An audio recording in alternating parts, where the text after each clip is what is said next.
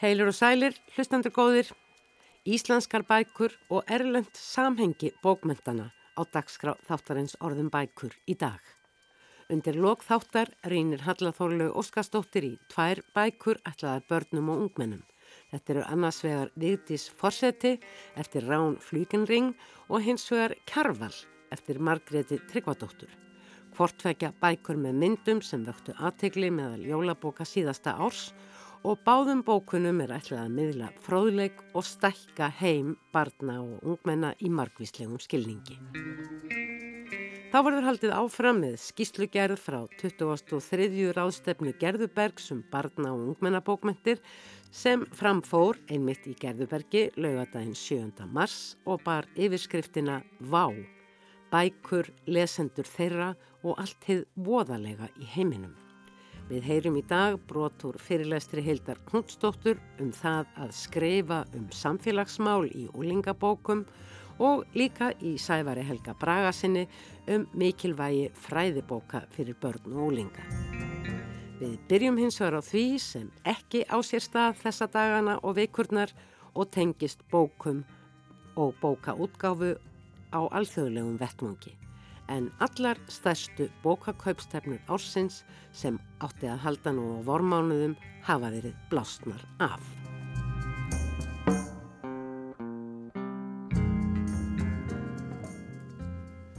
Fyrst af öllu samt, til hamingi með daginn.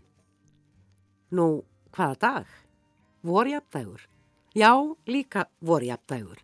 En engum þó að þessum vettvangi bókana til hamingu með alþjóðlegan dag ljóðsins. Fyrir ári síðan valdi ljóðskáldið Anton Helgi Jónsson þennan dag til að opna heimasíðu sína, anton.is þar sem finna má allar ljóðabækur Antons Helga frá upphafi og fleiri ljóð til viðbótar. Í dag á einsárs afmæli ljóðasíðunar hefur Anton bætt við nokkrum ljóðum sem eru helguð alþjóðlegum degi ljóðsins. Leggjum við hlustir. Ávarp á degi ljóðsins. Hvað er ljóð?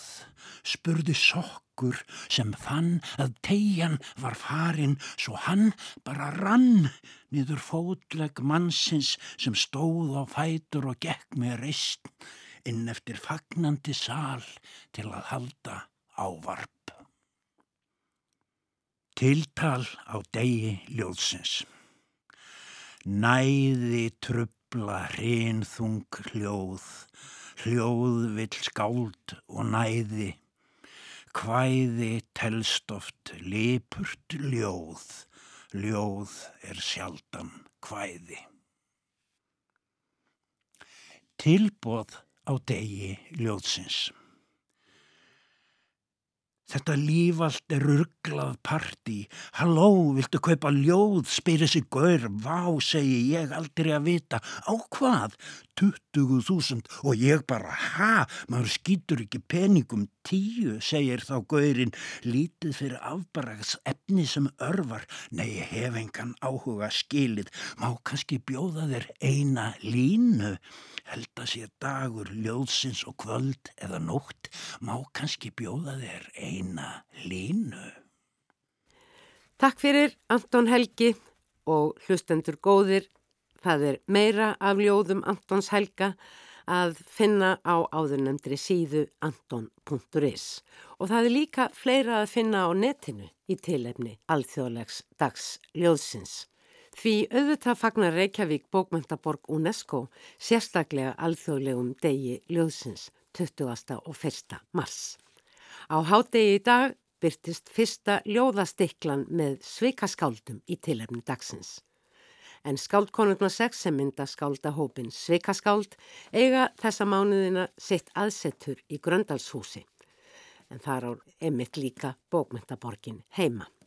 Kynnið ykkur endilega málið Það er Fríða Ísberg, Melkorka Ólastóttir, Ragnöður Harpa, Sunnadís og Þóra og Þórdís lesa í þessum stiklum sem byrtast næstu daga, ljóð eftir önnur skáld en sig sjálfar og segja frá vali sínum. Og það verða fleiri viðburðir á netinu og við um Reykjavíkur bókmyndaborgar og má lesa um það allt á vefnum bókmyndaborgin.is og áfram með bókmyndalífið á þessum skrítnu tímum. Það er alveg halfur mánuður síðan að bókamessan í London var blásin af. Einnig barnabóka kaupstefnan í Bologna sem hafi verið fresta fram í mæ. Henni hefur nú endanlega verið aflýst þetta árið. Og svo er það bóka kaupstefnan í Leipzig sem ekki fór fram um síðustu helgi eins og gert hafi verið ráð fyrir. Og þannig mætti öruglega áfram telja. Það verður fjör í Frankfurt í haust þegar útgefendur fá loksins að hittast. Það er hægur vandi að senda heilar bækur rafrænt á milli aðila hvar sem þeir eru stattir með sín snjáltæki og ræða um efni þeirra með hjálp þar til gerðra samfundaforrita. En þrátt fyrir það og að jafnvel megi setja upp og skrifa undir viðtæka samninga um þýðingar og útgáfu á bókum er það svo að útgefundur koma gerðnan saman á bókakaupstefnum stórum og smáum. Þar er alla jafna mikið um dýrðir og einnig fjölbreytt dagskrá fyrir almenning sem nýtur vinsælda. Á bókamessunni Leipzig sem löngum hefur státað að því að þeirra lesenda vænst meðal stóru bókakaupstefnan í Evrópu hefði til að mynda mátt búast við alltaf 300.000 gestum, auk 2500 sínenda. Anspænis þessum fjölda er skiljanlegt að skipuleikjendur kaupstefnunar skuli ekki hafa tressir til að fara að lögum þess efnis að engar fjölda samkomur megi halda þar sem ekki megi rekja ferðir hvers gests fyrir sig. Hver gestur hefði samsagt þurft að gera skriflega grein fyrir ferðum sínum síðustu vikurnar og geta sannað að hafa ekki komið nálagt smitt uppsprettu. Allt leiðir þetta hugan að því hvernig bókmentalífinu bóka útgáfum, bókunum og bóklestri reyðir af á tímum COVID-19. Hér hjá mér í hljóðstofu eru Hrefna Haraldsdóttir, framkvæmdastjóri Íslenskrar bókmyndamiðstöðar og í símanum er Guðrún Vilmundadóttir, eigandi Benedikt bókaútgáfu. Velkomnar báðar tvær og takk fyrir að vera hér hvort með sínum hætti. Guðrún, þú ert tiltölulega nýkomin heim frá London, þangar sem þú fórst þrátt fyrir að búið að aflýsa bókakvöldstefnunni sem átt að vera dagana 10. til 12. mars.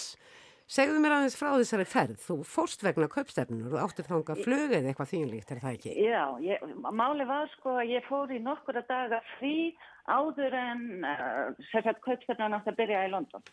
Þannig að ég var farin af stað í rauninni áður en ennum var aflýst og það, þetta var þannig, þeir voru svolítið seinir sko að blása hana af, að byrja á því að það var komin svona smá uppgur í fólk og margir voru veltaði fyrir sér hvort þeir ætti að fara eða, eða sitja heima. Og svo fer það að stað að stórir útgefendur, með minnir að það verið amerikanarnir sem að uh, byrjuðu sér að fólk fóra afbóka. afbóða sig. Já, en það stóð samt alltaf til að sko messan yfir því haldinn það var bara með nokkura örfara daga fyrirvara sem að, sem að hún var sko formlega blásin af. Mm. En þá voru náttúrulega margir sko búinir að skipulegja ferðið sínar og, og ætliðu að fara, var fullt af fólki sko sem að, sem að mætti og var þá kjælta bara kannski fundi út í bæ á hótelum sínum eða veitingarstöðum eða sko stóru útgefendurnir og umbóðsmennir þar mm. meiri segja sko aftakkuð þegar fólk kemi í heimsók til sín. Þetta var rosa, þetta var alveg bara rosa æfintir sko. Ég skil. En bor, var borgin söm við sig? Já, hún var nefnilega algjörlega söm við sig. Já, á þeim tíma og þá var í rauninni, maður fylgist náttúrulega með frettum eða þú veist, var allt annað komið í gang hérna heima heldur en var það. Þannig að uh, í rauninni, hérna mánundal þriðt á miðgudag, áttu við alveg eðlilega daga fansmanni í London en Þannig á fyrstudeginum, þá var líka bara ástandi hérna heima orðið þannig og við áttum sko flug heim um kvöldið að þá var einhvern veginn komin svona skrekkur í mann. Ég skil. Hrefna, bókaútgáfa telst kannski ekki til grunnstóða atvinnulífsins en er svo sannarlega grunnstóð samfélagsins og mannlífsins almennt. Hvernig koma þessar fordæmalauðsu aðstæður, svo nota sér vinsælasta orðinu um stundir, við bókmyndalífi svona frá þínum bæjardirum séð og, og íslenskrar bókmyndamiðstöðar? Já, þetta er náttúrulega eins og segir, þetta er náttúrulega mikil grunnstóð í, í mannlífinu og, og, og í okkar menningu. Mjög mikil að, aðsókna bókasöfnum þess að það er við heirt. Já, það er einmitt í raun og veru kannski fyrst að nefna það að þrátt fyrir allt, þrátt fyrir þessar aðstæður, að þá getum við þó lesið og það er nú ekki lítið að geta náð sér í bækur á, á uh, bókasöfnum sem að almenningsbókasöfn eru flest ofinn en þá, það er ekki vist að það verði kannski mjög lengi. Og uh, bókaútgefundur hafa heyrti að vera að keppast við að auðlýsa að fólk geti pantað sér bækur á netinu hjá þeim og fengið að senda heim sem er mjög góð þjónusta. Og svo náttúrulega bókabúðir eru opnar og, og hægt er að hlusta hljóðbækur Þannig að þetta er nú, nú fjársöðu sem er gott og æskilegt og nöðsilegt að gangi í núna. Mm. En þetta svona snemma á vorin um, og aðeins inn í sömari, þetta er svona tími kaupstefnana og fundahalda og svoleiðis eiginlega daldi svona á milli sko árstíða í bókabransanum. Það er ofta mikið gefið út á höstin í öðrum löndum eh, eða vorin og eða sum, hvernig, hvernig er þetta? Þetta er svona daldið ferðatími í bókabransanum. Já, það má nú samt segja að, að sá tími sé svona svolítið jæmt og þjætti yfir árið. Það er náttúrulega stærstu, langt stærstar messurnar í London og vorin og Frankfurt og höstin. Og svo eru náttúrulega eins og nefndir, þú nefndir Leipzig og Bologna Já. og svo er núna verið að skipulegja til dæmis, við vorum komin inn í það með, sko Norræni sendiráðin er að skipulegja stóra þáttöku Norrænu landana með heiðus sess í Bogota í Kolumbíu mm. og það er búið að vera mikill undibúningur í kringum það og að velja höfundar sem hafa verið gefnir út á spænsku og svona líka og, og útgefundur allir líka taka þátt í því hérna og fleira. Já, það, það er blásið að, það er risastórt verkefni. Já.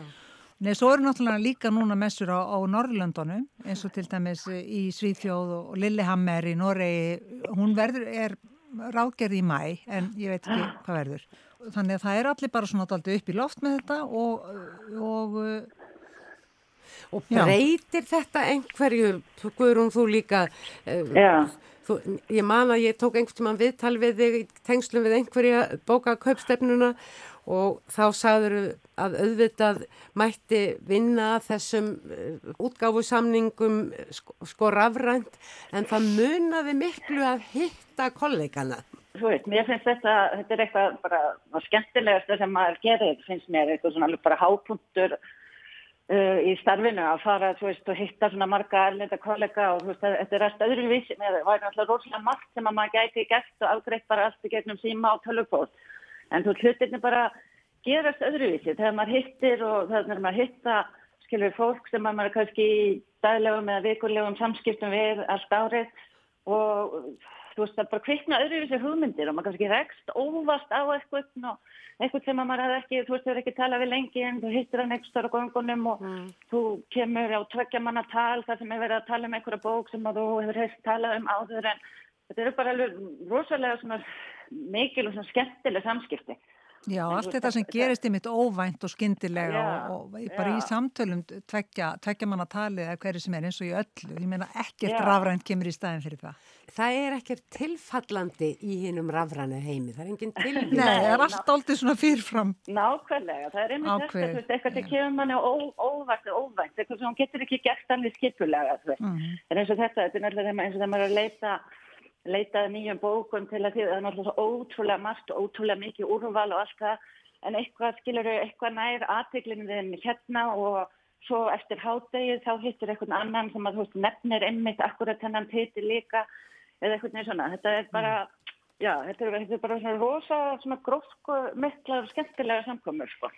Bóka mennsutnar eða kaupstefnundar líta svolítið öðru í þessu útreinda frá okkar bæstýrum séð því við erum ekki að kaupa eða ekki beinlega ganga frá samningum, við erum ekki í business, nei, en, en enga síður að þá erum við auðvitað að Við erum alltaf farið á mjög margar messur já, og kynni við förum svona á, á helstu messur, já, en, mm. og við erum alltaf núna að undibúa með okkar kynningarefni, já, og, og, og hittum fjölda fólks og en, en, en erum við göngum útræði þetta sé tímabundi ástand. Mm.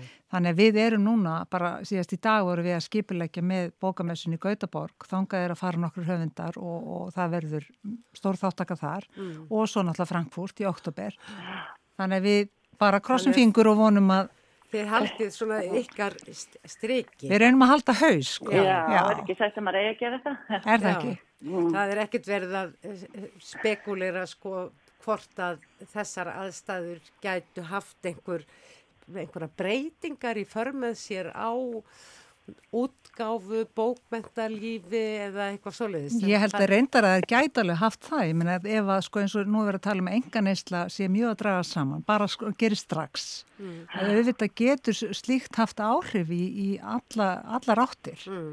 Og ef, ef að það verður eitthvað mikið högg bó, hjá bóka útgefendum til dæmis eða já, í útgáfu eða bæði innanlands og erlendis að þá kemur það auðvitað niður bæði ekki bara útgefendum heldur líka höfundum mm. og, þannig, og fjölda afleitra starfa sko, að, en við vonum auðvitað að það fara ekki... Við vonum enna að þetta sé tímabundi. Já, þetta sé tímabundi og það fara allt vel. Nú hefur bók, bóka útgáðan náttúrulega sínuleiti verið að e, alþjóðavæðast á síðustu árum samanberð það að lang flestar e, útgefnar íslenska bækur eru prentaðar í útlöndum og, og hérna eru fluttar hinga, hinga til lands. Jú, jú. Og náttúrulega íslenskir Já. höfundar eru náttúrulega mjög mikið mjög á ferðinni Já. og það er til dæmis bara eins og núna þessar vikurnar ætti fjöldu höfunda sem að hafa fengið til dæmis ferrastyrki hjá minnstu íslenska bókmynda að vera að koma fram við svegar og hitta sína lesendur, erlenda lesendur og kynna bækuna sínar og sjálfa sig. Og það eru auðvitað högg fyrir þá að missa mm -hmm. því. Já. bara svona einn ein lítil byrtingamind sko. já, þetta sínir sig allstaðar já, já. Þú og þitt starfsfólk Guðrún þið á skrifstofun og Bræðaraborgastíð eru vantarlega flutt heim í ykkar eldús Já, við erum Við erum hérna heima í sjálfskeipu sótkví, þess að við vorum á þessu flandri og fórum þarna í gegnum alþjóðaflög, þarna í gegnum London á, á fengtæðin var. Mm. En það er nú, þetta er nú, að búka útgafi nú afskaplega þægilegt starf til að finna á eldursunni, þannig að það væsir ekki um okkur hér. Einmitt. Mm. Og verkefnastafan við þessar aðstæður, breytir þetta einhverju eða þið bara haldið áfram? Já eins og hjá okkur allavega þá höldum við áfram. Við erum náttúrulega nýbúin að auðvisa eftir, eftir umsóknum um styrki, mm. útgáfi styrki, eh, auði, barn og ungmennabokasjóðin, e, þýðingar á íslensku og nýræktastyrki. Þetta og þetta heldur allt bara, þetta, þetta verður innan tíma ramma. Við ætlum að halda áætlun, stefnum bara fundir þar sem að umsóknur eru rættar og farið í stíkt með bókmyndaráðgjum og svona það er þeir verði bara fjárfundir mm. svona að miklu leiti en enga síður eh, það, við stefnum að því að halda tímamörkin og halda bara okkar áætlun mm. Já, við heldum okkar striki bara sittum hér og lesum, lesum handrétt og skipilegjum hösti viðmarriðu hösti Já, Já. Þannig að þið hafið eh, nóg að gera og spennandi eh, framundan Já, já, já, þetta er bara... Hverja eigum við að litast um eftir í, í alþjóðlegum vefbókaverslunum eða á netinu sem sagt, Guðrún? Nú er ég náttúrulega bara fókusverið á hérna það sem... sem það sem þú þegar búin að fá? Já, við erum að fá þetta til aðeins í næstu viku. Við erum að fara að gefa undir okkar fyrsta krimma, frábæra norskan nýjan höfund sem heitir Helen Flút Okay. Og svo erum við náttúrulega bara að undirbúa að það kemur út hjá okkur í sumar ný bók, nýjasta bókinn fyrst eftir Elinu Ferratti mm -hmm. sem er bara komin út á ítalsku en kemur út á mörgum tungumálum uh, þann 9. júni. Þannig að við erum bara að ganga frá öllu þessu og svo bara uh, velja einn handliti fyrir hösti. Þannig að, mm. þannig að þetta eru góði dagar hérna í eldhúsinni. Já, akkurat. Þú og... ferð við það. Já. Og taland um rafræna, rafrænu leiðirnar allar, að þá er kannski ein hugmynd svona fyrir höfunda núna eins og, eins og tónlistamenn eru mikið að, að koma fram og Simfó er að spila í beitni, einn og einn tónlistamæður heim í stofu og svona streyma til okkar hinna mm. og þá væri alveg kannski hugmynd fyrir höfunda að hafa svona svo litla húslestra, streymað heima kannski lesa eh, einhvern kabla sem þeir voru að skrifa í síðustu viku. En mig, það var náttúrulega gaman að fá einsinn. Við beinum þessu til allra okkar frábæru réttöfunda og býðum eftir skilabóðum í að þið poppi upp í tölvinni. Guðrún Vilmundadóttir og Hrefna Haraldsdóttir, takk ykkur innilega fyrir komuna. Takk sem leiðis. Takk, takk.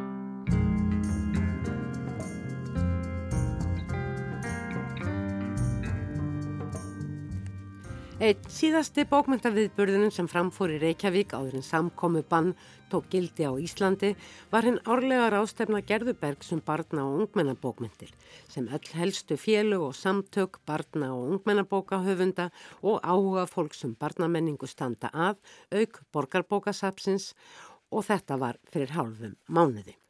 Í ljósi aðstæðana var viðburðinum streymt á Facebook síðu Borgarbókasapsins og þar má enn heyra og sjá alla fyrirlestrana og fylgjast með umræðum sem spunnust út frá þeim.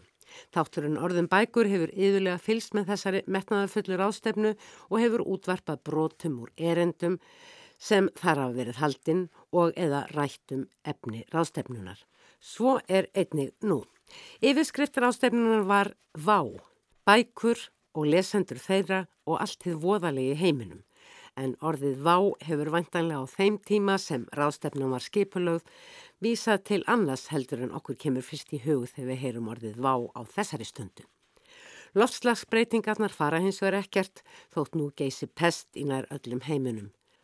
Við munum því vantanlega áframþurfa að horfast í augu við afleðingar umgengni okkar við náttúruna sem og öruglega mörg önnur verkefni sem samlíf okkar hvers við annað og við náttúruna kallar á. Jafnvel verkefni sem okkur óraði ekki fyrir en kannski hefur verið fjallaðum í skáldskap án þess að við áttuðum okkur á því í fljótu bragði. Í síðasta þætti heyrðum við brotur erendi Guðruna Láru Pétustóttur bókmyndafræðings á ráðstefninni en hún fjallaði um samfélagsrýn í íslenskum barna- og ungmennabókum í sögulegu ljósi og fór aftur til áttunda áratugar síðustu aldar þegar hún reviði upp skáldsöguna Búrið eftir Olgu Guðruna Ornadóttur Búrið var árið 1977 líklega fyrsta íslenska úlingabókin sem fjallaði um reikvíska úlinga hér og nú og hún var sannlega róttæk í speklun sinna á samfélagsmálinn. Þegar rauðsokkur voru að sapna sér saman og ymsar spurningar voru á lofti um skólakerfið og kennsluaðferðir og úlingar og fólk tók þátt í þeirri umræði. Lofslagsbreytingar á mannavöldum hafa á allra síðustu misserum hins vegar verið stærsta áhyggjöfni ungs fólks sem hefur flikst í kjölfar líklega frægasta ólings samtímans hinnar sænsku Gretu Tónberg. Þessa sér stað að einhverju leiti í ungmennabókun sem skrifaður er í dag oftar en ekki með óbeinum hætti þó, enda hversu skemmtilegt er að lesa bók sem fjallar einvörðungu og fyrst og fremst um það sem veldur áhyggjum og ángri dægin langan. Hildur Knútsdóttir í töfundur fjallaði einmitt um það í fyrirlestri sínum á ráðstefninni Gerðubergi. Það að skreifa um samfélagsmál fyrir og linga og hún þekkir vel til málsins. Bæð er hún virkur þáttakandi í baráttunni gegn lofslagsbreytingum og hún skrifar úlingabækur. Hildur laug bíaprói í reitlist og bókmyndafræði árið 2008 og verðist hafa skreifað æg síðan en á þeim átta árum sem liðin eru hefur hún sendt frá sér einar 11 bækur.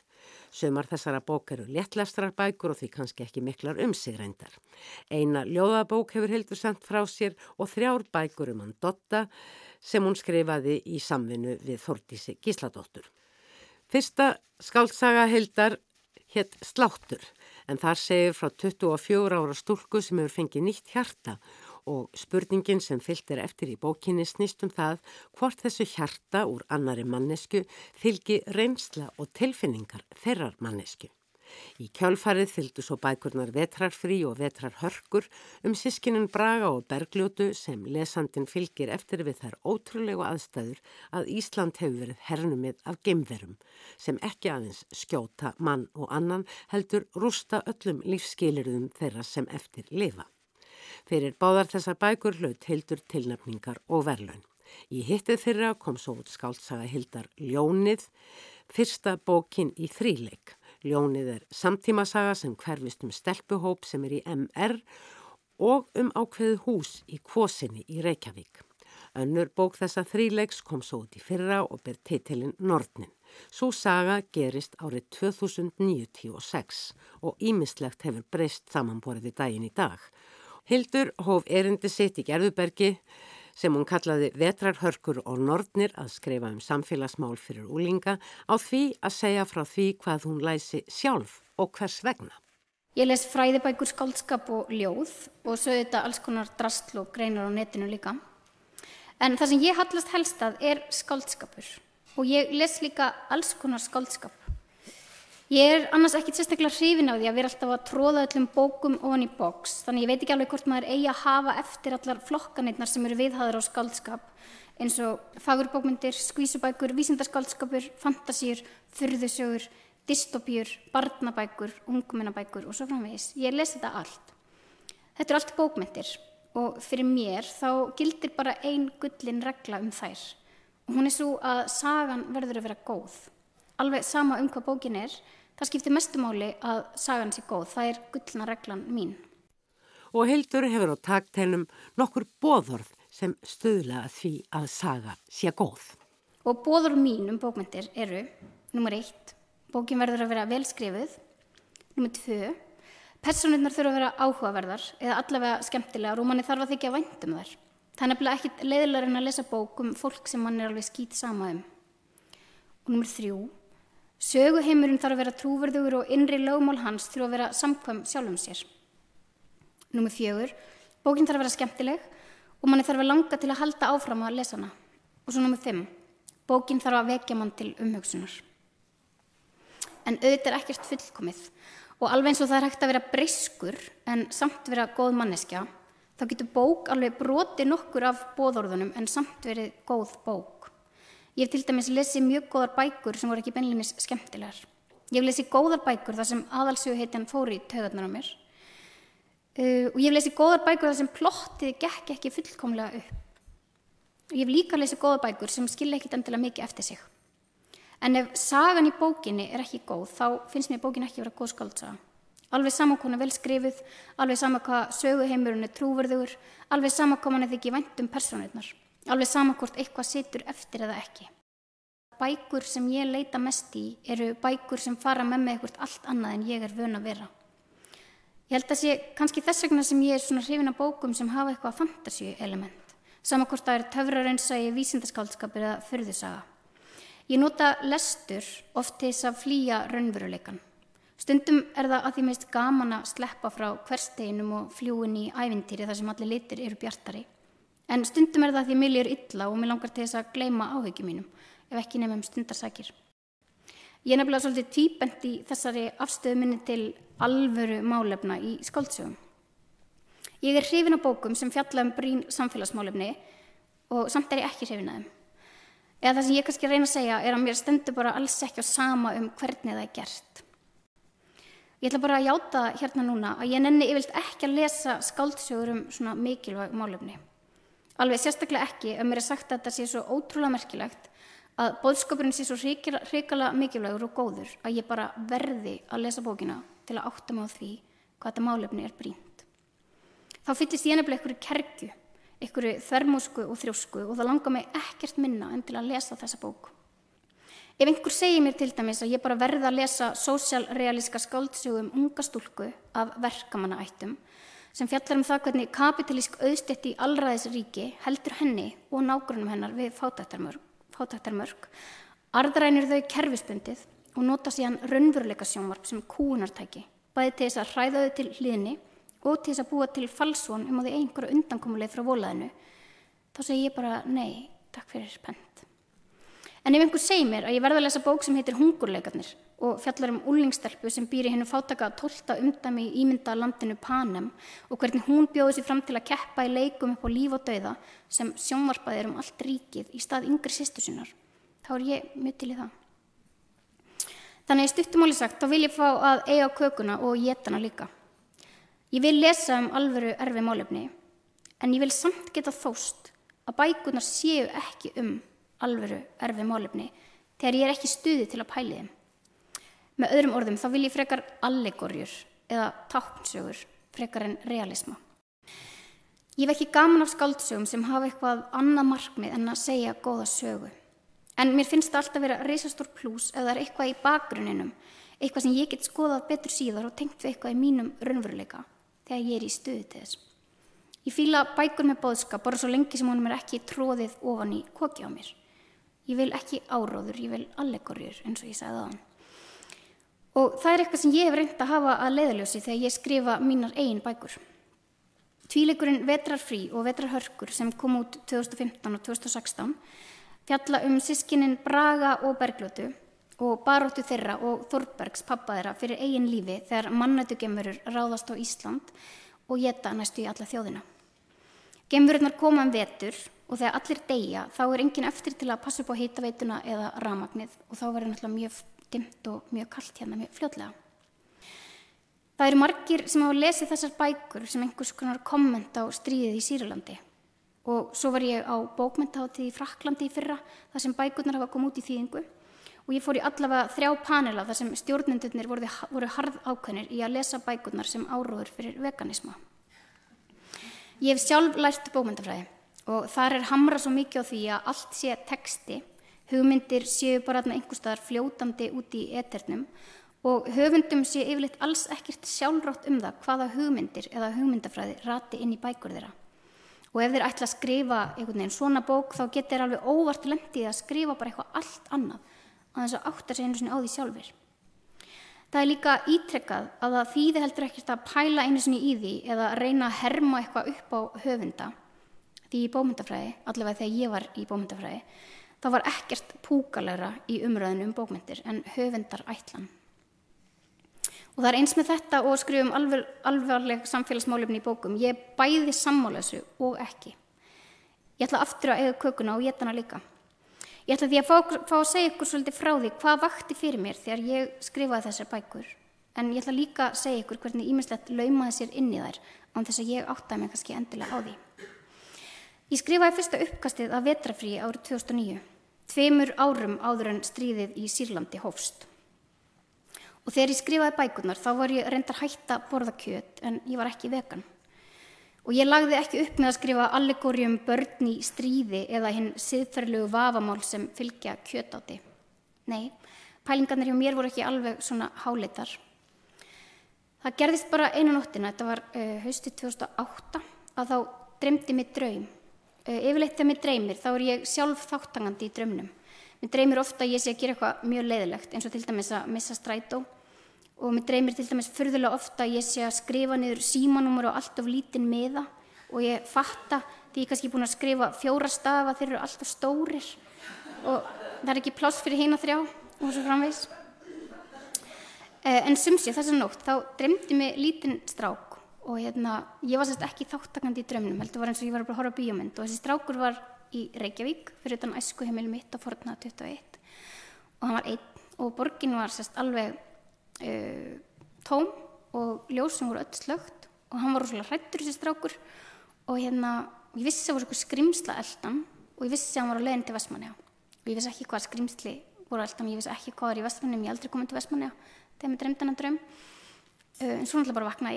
og hérna og maður getur ekki farið aftur inn í draumin en ég voru svo forvitin um hvað hefði gerst þú veist, okkur var borgin tóm og, og svo framvegis Eh, en þetta var sérst akkurat á þeim tíma sem ég átti að fara að byrja á bíaverkefninu mín í bókmyndafræði. Og ég var búin að velja mér efni. Ég ætla að bera saman tvær skáldsögur og finna textatengslinn á milli þeirra. Twilight og Pride og Prejudice. Hvað heit það á íslensku? Hérna, Rókjur hleyput og hvað heitir Twilight á íslensku? Ljósaskipti, einmitt. Ég hafði nefnilega lesið í viðtali við höfund ljósaskipta, Stefani Mæger, að bókin væri innblásun af þessari frægustu skáldsögu Jane Austen og fengi ímislegt lána frá henni. En verandi alvöru bómyndafræðingur með alvöru evasendur um höfundarætlan, þá ætla ég ekki að taka hana orðinu, heldur komast til bossi í sig sjálf og bera bækurna saman. Ég var búin að finna mig leiðbynanda og ég átti bókan tíma hjá honum til þess að ræða efnið. Nefna hvað, þegar ég mætti uh, upp í aðalbyggingu HÍ, þá var skrifstofn hans læst. Hann var ekki þar. Ég beigð eftir honum, kannski 10-15 myndur, og meðan ég beigð þá man ég að ég var að hugsa um hversu mikil vinna það er því að skrifa svona langa rítgerð og þurfa að styðjast svona mikið við heimildir. Og ég man að ég var að velta fyrir mér hvort það er ekki miklu skemmtilegra og auðvildra að skrifa bara sögum um þennan strák sem ég drömdi og hvort ég ætti kannski bara skiptum aðalgrein og fá að nota söguna sem lokaverkjumni mitt í reitlist. Þannig að það var einmitt það sem ég gerði og fyrsta útgáðan af vetrafríi og vetrahörkum var til. Það eina sem ég lagði upp með að gera þegar ég settist niður og byrjaði að skrifa var að skrifa sögu sem mér myndi sjálfa langa til að lesa. Hún átti að vera duglarfull og spennandi og það sem ég fannst mikilvægast þá átti helst að vera erfitt að leggja hana frá sér. Ég ætlaði bara að skrifa sögu um lítinstrák og gemverur.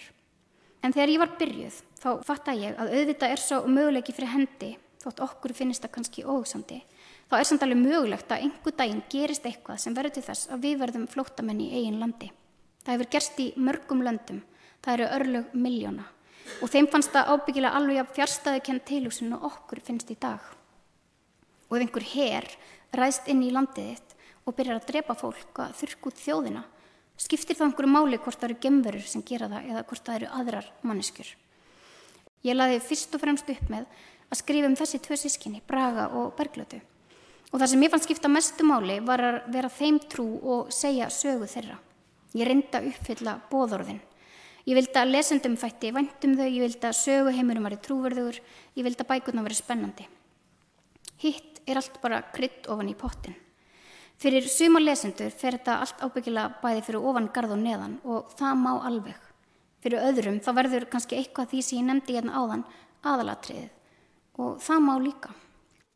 Skáltsaga Hildar Nornin gerist í nokkuð fjallagri framtíð árið 2096 sem þýðir að 16 ára úlingur sem les bókina getur með henni fengið ákveðna mynd að því hvernig heimurinn lítur út þegar hann sjálfur er um nýrætt. Og þegar svo langt er liðið á 2001. öldina eru afleðingar loftlagsbreytinga sem við nú bregðumst við orðnar viðteknar. Ísland er orðið talsvert fjölmennara og íbúðarnir fjölbreytilegri enda stór svæði heimsins orðin óbyggileg og fólk hefur leitað sér að nýjum stöðum til búsettu. Þjóðir sem byggja einstök ríki heyra og sögunni til því nú byggir heiminn ein sameinuð þjóð. Afkomendur þeirra sem í byrjun 2001. aldarinnar mynduðu stopnununa sameinuðu þjóðirnar í flertölum. En um nortnina gildir nákvæmlega sama lögmál og sama gullna regla um allar hinar bækuna sem ég hef skrifað. Fyrst og fremst að langa mig til að segja góða sögu og ég vonaði að hún væri spennandi. Og Nordnin er þess vegna saga um ást, undirferðli, hriðiverk og sprengingar og hlið í annan heim sem opnast og útkymur eitthvað sem hefur eitthvað ílt í huga. Það vill bara svo til að svo saga gerist í heimi þar sem gífurlega lofslagsbreytingar af átt fyrir stað. Það er ekki aðalatri í sögunni en það eru aðna vissulega.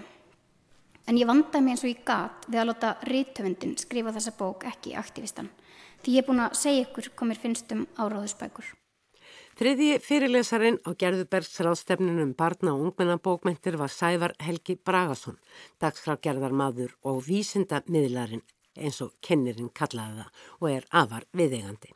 Sævar Helgi mynd á þá staðrend að mörg börn og úlingar væru í dag líkt og hann sjálfur hefði verið á sínum tíma bara reynd ekki ginnkæft fyrir því að lesa skáldskap. Mörg væru fyrst og fremst á höttum eftir fróðleik, vittneskum það hvernig heimurinn er samsettur, orsakir og afleðingar alls þess sem beinleginis er hægt að sjá í umhverfinu, sem og auðvitað þess sem berst að eirum barna og ungmenna í fréttum og í samtölum fullorðins fólks. Sævar hefur á síðustu árum komið til móts við þennan áhuga bæði með því efni sem hann fjallar um í útvarpi og sjónvarpi en einnig með bókum eins og stjörnuskoðun fyrir alla fjölskylduna og svartól og svo var Sævar Helgi með höfundur vísendabókar Villa um geimin og geimferðir. Allt bækur sem gaman er fyrir börn og fullorna að hafa við hendina ekki síst núna þegar heimannóm er í fyrirúmi á heimilónum. Yfirskrift fyrir lestur Sæfas Helga var Þessi bók er alltof flókin fyrir þig. Um mikilvægi fræðibóka fyrir börn Sæfar byrjaði á því að segja frá eigin reynslu af því að vera fróðlegs þyrst barn sem ekki hafi gaman á skáltsögum. Þegar ég var 8 ára þá uh, fekk ég að sjá Kosmos með Carl Sagan. Mín bara fyrirmynd í lífinu, hann skrifa svona fallegin eins og prósa bara um vísindin Þetta er svo ljóðrænt og fallegt. Og því ég var 8-9 ára, búin að læra að lesa og svona, þá fekk ég þessa bók, Kosmos, sem frekar þykku dóðrændur með fullt af flóknum orðunum og mér langaði svo innilega til að lesa hana. Þannig ég settist niður fyrir fram á tölvu með bókina, opnaði bara fyrsti kabli og svo vorum við ennski-íslenska orðabók og reynda þýðana. Það tók ógeðslega langan tíma það kendi mér ótrúlega margt. Ég komst ekki gegnum fyrsta kaplan í þýðingu, ég gafst upp, en ég lærði brjálaðslega mikið af þessu. Af því það voru bara ekki til fræðibækur fyrir mig á þessum tíma. Það er að segja, góðar fræðibækur á íslensku fyrir krakkar allt og fáar. Og ég vil meina að þær bækur sem við gefum út í dag séu oft einlega of einfaldar. Gefur pínlítið svona, gerir lítið úr lesendum og krakkum sem vita oft ótrúlega mikið þauks í internetinu, en við erum enþá bara svona svolítið í fleipabókunum með einhverjum þurrum upptalningum og staðrendum. Þannig að krakka leita auðvitað eitthvað annað. Þau leita sér auðvitað upplýsing á YouTube. Sem er skiljanlegt og alveg príðilegt. Fyrir utan að nánast öll þessi myndbönd á YouTube er á ennsku og þar með skapast ekki orðaforði á íslensku sem lítur að vísindum hjá ólingunum. Sævar nefndi dæmi. Og ég heyri samsagt, hvað gerist þeim að í svona, svona black hole? Það segir bara, já, black hole er svartól á íslensku. Já, en þannig að dettur hún í black hole það er bara svo orðið komist ekki inn. Uh, þingdakrafturinn, er það gravity? Þetta er það sem ég heyr líka mjög mikið. Ég skil ekki hvað þetta orð losun þýðir. Hvað er, hvað er greenhouse gases? Þetta var úlingstelpa sko, sem á að vera löngubúin að læra hvað gróðrúsloftíðundir eru og ég hefði haldið að losun merti eitthvað. En þarna kristallæst vandamálu við það að koma upplýsingum til skila. Þau skilja korki hugtökinn sem við notum til að fræða þau og heldur ekki eins og íslensku orðin sem eru einföld og ættu að vera frekar gegnsæ það var mjög áhugavert eins og betur fyrir hafið þessi tiltekna stelpa uh, hugur ekki til þess að rétti pönd og segja mér að hún skildi ekki orðið losun og hvað gróðurhús og loftegundir væru. En hún hafði eirt einhver tíman um greenhouse gases vantala því hún horfið á einhverju fræðislu mynd og ennsku þau leitu auðvitað þangað sem að þau finna upplýsingarnar. Og svo veitna við getum búið á Mars. Eða þurfum bara að senda svona stóra rocket sem launcher okkur þangað. Kannist ekki alveg við svona orðfæri. Einhvern veginn þurfum að breyta sig og við breytum sér ekki með því að hérna, senduðu alltaf inn á YouTube heldur leiðu þau einhverja skemmtilegra átt vil ég menna okkur vant að pílítið að segja fyrir sögur af vísindafólkinu og til þess að hafa áhuga því að lesa vís, eh, vísindabækur og kveikja áhuga annara þannig að þurfum við sjálfa að hafa áhuga. Þannig að hvernig kveikjum við áhuga? Ég veit ekki, ég er anþá að reyna að leita að svarinu. Þegar ég sé niðurstöðu til þessi písakönnunum hérna á Íslandi sem sínur að við erum umrulegi í náttúrufræði þá finnst mér í allt sem ég hef gert undanfærin 10-15 ár gerðsamlega misefnað bara algjörlega ok, þá bara verð ég að feysa það og, og reyna að finna einhverja aðra leiði til þess að kveiki áhuga eða miðla upplýsingunum og svona valdefla krakkana til þess að vera ekki hrættu við yfirvóðandi loft, loftslagsbreytingar heldur bara að taka málunum að því það er lausnin eru svo einfaldur og þeir eru núti. Ég er náttúrulega alveg samférum það að við bara drullumst, segi ég til þess að segja fleiri sögur í kringum þetta og þá horfum ég náttúrulega sérstaklega kennarana líka að þeir tilengi sér þetta og reyna að búið til sögur það kveikjum miklu meiri áhuga, það voru auðveldra að kenna náttúrufræði með því að bara sjá hvað heimurinn er með töfrandu, skrítun og spennandi og það er náttúrulega vilt svo til að það verða vísinda á náttúrulega spörd sem bjerga heiminu. Og til að ebla náttúrulæsi þarf að skaffa lesefni um þessa náttúru. Og þess vegna þarf að auka fér til þeirra sem vilja skrifa fræðibækur fyrir börn sem þau vilja lesa því meira sem við lærum um heiminn því áhugaverður verður, heim, verður heimurinn. Og því áhugaverður sem heimurinn er eða manni þykir hann þeim er vætna þykir mann um hann. Og við varðveitum bara það sem okkur þykir væntum það ekki? Ef við vitum ekkert af hverju það er mikilvægt að varðveita sjóin af hverju eru þá varðveitan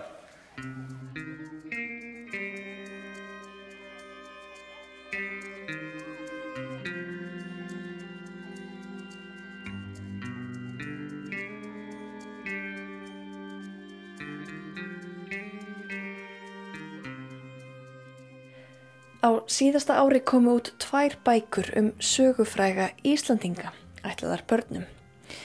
Þær eru afar ólíkar að upplægi og henda eflust mismunandi aldurshópum en ég ætla samt sem aður að fjalla um þær báðar í þessum pysli, þar sem segja má að tilgangurinn sé sá sami, að fræða nýja kynnslóð um brautriðendur í Íslandsögunni.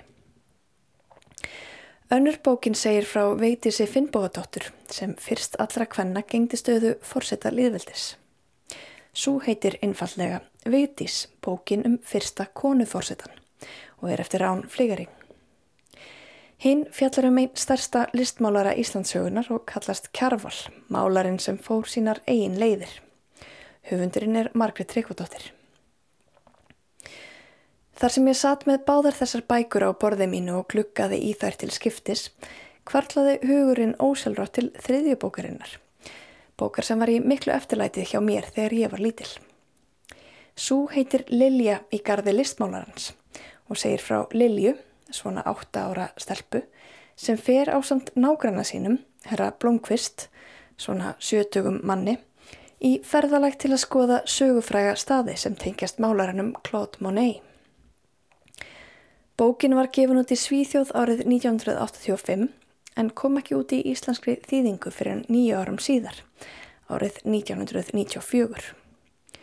Höfundarnir eru Kristina Björk og Lena Andersson. Ég ímynda mér að ef ég myndi blanda saman bókunum um Kjarval og Vigdísi fengi ég bók sem væri ekki ósöpuð bókinu um Liljögarði listmálarans. Ég kem aftur að henni síðar. Eins og ég sagði upphafi eru bækurnar sem hér eru til umfjöldunar afar ólíkar og það er í raun ekki skrítið. Það er auðvitað allt annað að gera bók sem fjallar um núlefandi mannesku en að skrifa um einstakling sem hefur verið látin í nær halva öld. Bók sína um Vigdísi Finnbóðadóttur hefur Rán Flígaring að öllum líkindum unnið í samtali við Vigdísi sjálfa. Frásögnin er tveggjalaga, ef svo mætti segja, við fylgjum ungri stúlku, líklega 5-6 ára, í heimsók til Vigdísar, með það markmið fyrir augum að fræðast um fyrsta konufórsetan. Stúlkan hefur ekkert nafn, ætla má að þetta sé einhvers konar útgáfa af höfundinum sjálfum sem eflust upplifir sig sem litla stelpu anspænis frú Vigdísi Finnbóðadóttur. Það hefði þó ekki endilega þurft að kynja barnið. Í útliti getur það verið af hvaða kyni sem er, en kannski er mikilvægt fyrir samingi sögunar að þetta sé stúlka, fremur en drengur. Hins vegar mætti líka hugsa sér að nú veri rauðin komin að kynsegin börnum að verða aðal personur eða drífa söguna áfram jafnvel frá hliðalínunni. Þetta væri eiginlega bara fullkomið upplegg fyrir það. En ég er samáleikur, kæru hlustendur, það er hundleiðilegt að hlusta á gaggrinni sem fjallar um það sem bókin er ekki, frekar en bókina sjálfa. Þeim sem þekkja til höfundarins, Ránar Flígaring, kemur það ekki á óvart að teikningar vega þungt í frásögninni. Leitskrúðug smáatrið eru lokkandi og ég gekk hálfpartin í bardóm þar sem ég fletti síðunum og staldraði lengi við hverja opnu og veldi fyrir mér myndunum. Myndir segja jú meira en þúsund orð eins og við veitum öll og það veitir án líka en það vandar hún valið þegar kemur að hennu reytaða orði. Burðarteksti bókarinnar er rött veitísar, hún segir okkur frá. Í talblöðurum byrtast svo einskotstekstar, annað hvort ásamlega einlæg viðbröðstúlkunar sem er í heimsókn eða skondnar hugrenningar persóna úr fortíðinni, nú eða einanstokksmuna. Í teiknimyndasögum er allt mögulegt. Vigdís ávarpar stúlkuna og okkur lesenduna af virðingu og það er virðingarvert. Það fekk mér til að hugsa um hvernig völd eru best geimt í höndum þeirra sem bera virðingu fyrir þeim sem þeir hafa völd yfir. Hvort sem það eru börn, þegnar, nú eða náttúran. Við erum öll þessi litla stúlka gagvart Vigdísi Finnbóðadóttur og hennar djörfung og dug en það sem við fullornu lesendurnir höfum tapað sem stúlkan hefur enn er hispusleysið og einlega forvitnin sem glæðir bókina gletni. Orðræðan í bókinu um kjarval, málaran sem fór sínar eigin leiðir, er ekkert ósveipu þeirri sem heyram á í bókinu um Vigdísi. Þó er grundvallar munurinn skýr en hann fælst í ávarpinu og fjárveru sögumanns. Jafnvel þótt orðavalið og tótnin gefi í skín að tekstin sé ætlaður ungum lesendum, þá er framsetningin þingri og kaplaskiptin skýr, svo flæðið er ekki að leikandi og í bók Ránar Flígarheng. Hins vegar er óneitanlega spennandi að lesa um líf Kjærvals, tekstin heldur manni alveg, og líf hans var sannarlega ævintýralegt og þrátt fyrir að Margrit hafi ekki getað tekið viðtal við listamannin sjálfan færst henni velur hendi að mála upp mynd af persónu hans. Stiðist hún þá væntalega við heimildir samferðamann hans. Myndafni búkarinnar eru ljósmyndir af verkum kjarvals, af honum sjálfum, fjölskyldu og umhverfi hans, myndir frá vinnustofum, þingvöllum og persónulegum munum. Til dæmis fær hattasafn hans dágott pláss og það gefur lesenda skýra hugmyndum margslungin karakter kjarvals án þess að það sé beint orðað. Uppsetning bókarinnar er falleg og mörg smáatriði úthugsuð og vísa til málarans, til dæmis er uppafstafur hverskabla handmálaður, líkt og með ólíulitt. Margret vekur upp ímyndunaraflið hjá lesandanum því hún dregur upp skýrarmyndir með lýsingum sínum, hvort sem er af tilbyrðum málarans við vinnu sína eða deginum þegar hann kom í heiminn.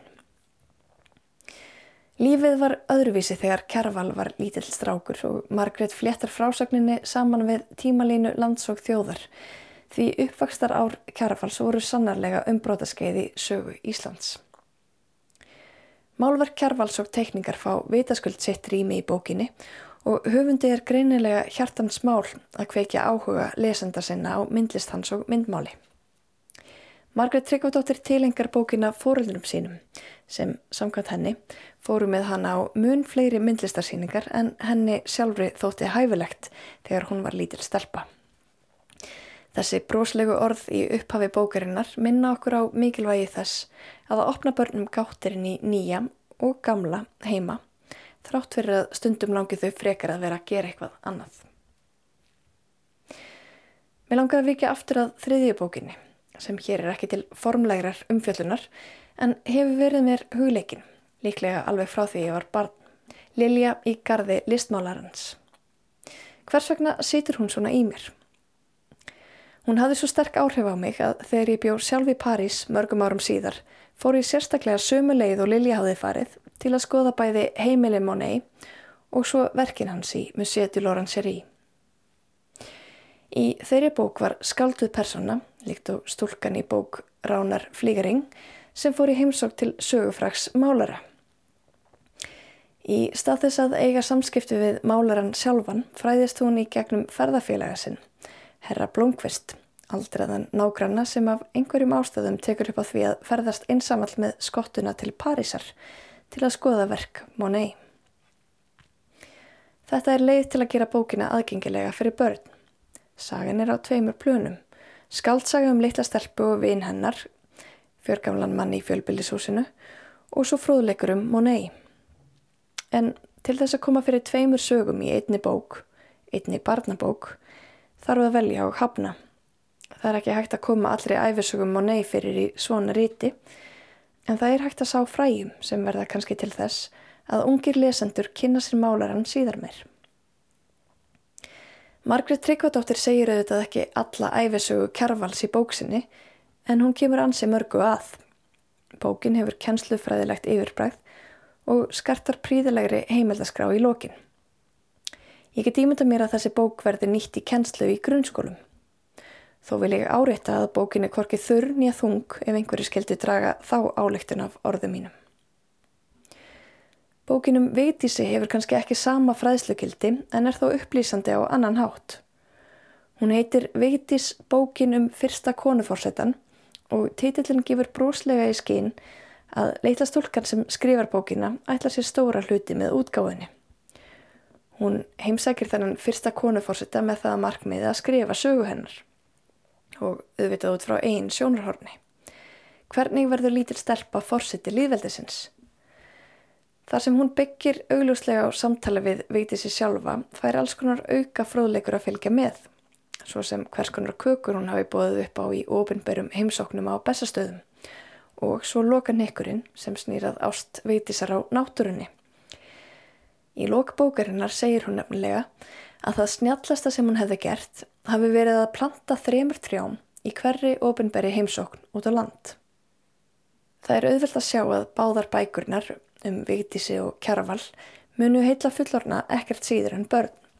Þær eru vandaðar og vel unnar og sauma saman ólíka tíma með ákveðnum þræðin sem er lífslaup þessar að tveggja brautriðjanda. Í lok bókar Margreðar Tryggvadóttur um Kjarval veldur hún upp spurningunum um hvort Kjarval hefði kannski orðið heimsfrægur ef stjórnendur Mómasapsins í New York hefði tekist ætlunarverk sitt að kaupa verk hans fjallamjölk. Þeirri spurningu verður seint svarað en safnuð kefti hins vegar verkið úr bestastæðarhaunni. Með þessum vangaveltum kastar Margrit boltanum út í heim og tengir kjaraval við myndlistasögu heimsins. Tengsl Vigdísar Finnbóðadóttur við heimsöguna þarf ekki að útlista fyrir ykkur hlustundur góðir en okkur ber auðvitað skilda til að útlista þau fyrir næstu kynnslóðum. Að því sögðu væri jáfnframt gaman að sjá þessar bækur á bóðstólum Erlendis eða í það minsta fyrir Erlenda ferðamenn, hvernig sem staðan verður nú í ferðamannabransanum á næstunni. Kanski er einkennilegt að fjalla um þessar bækur í samanburði hvorfið aðra, en ekkert verk hangir í lausu lofti og þessar bækur tala sannarlega saman þrátt verir að vera ólíkar. Og markmiðið með því að bera þær saman er alls ekki að reyna að skera úr um hver besta leiðin sé til að miðla sögunni til barna, þá meina ég Íslandsögunni eða heimsögunni, heldur kannski einmitt að tala um að leiðirnar eru fjölmarkar. Og þegar veltekst til geta slíkar bækur sáð fræjum sem verða trjám löngu, löngu síðar. Fleiri verða orðum bækur ekki að þessu sinni, Tæknimaður þessa þáttar var Úlfildur Eistensdóttir. Takk fyrir að hlusta, verði sæl.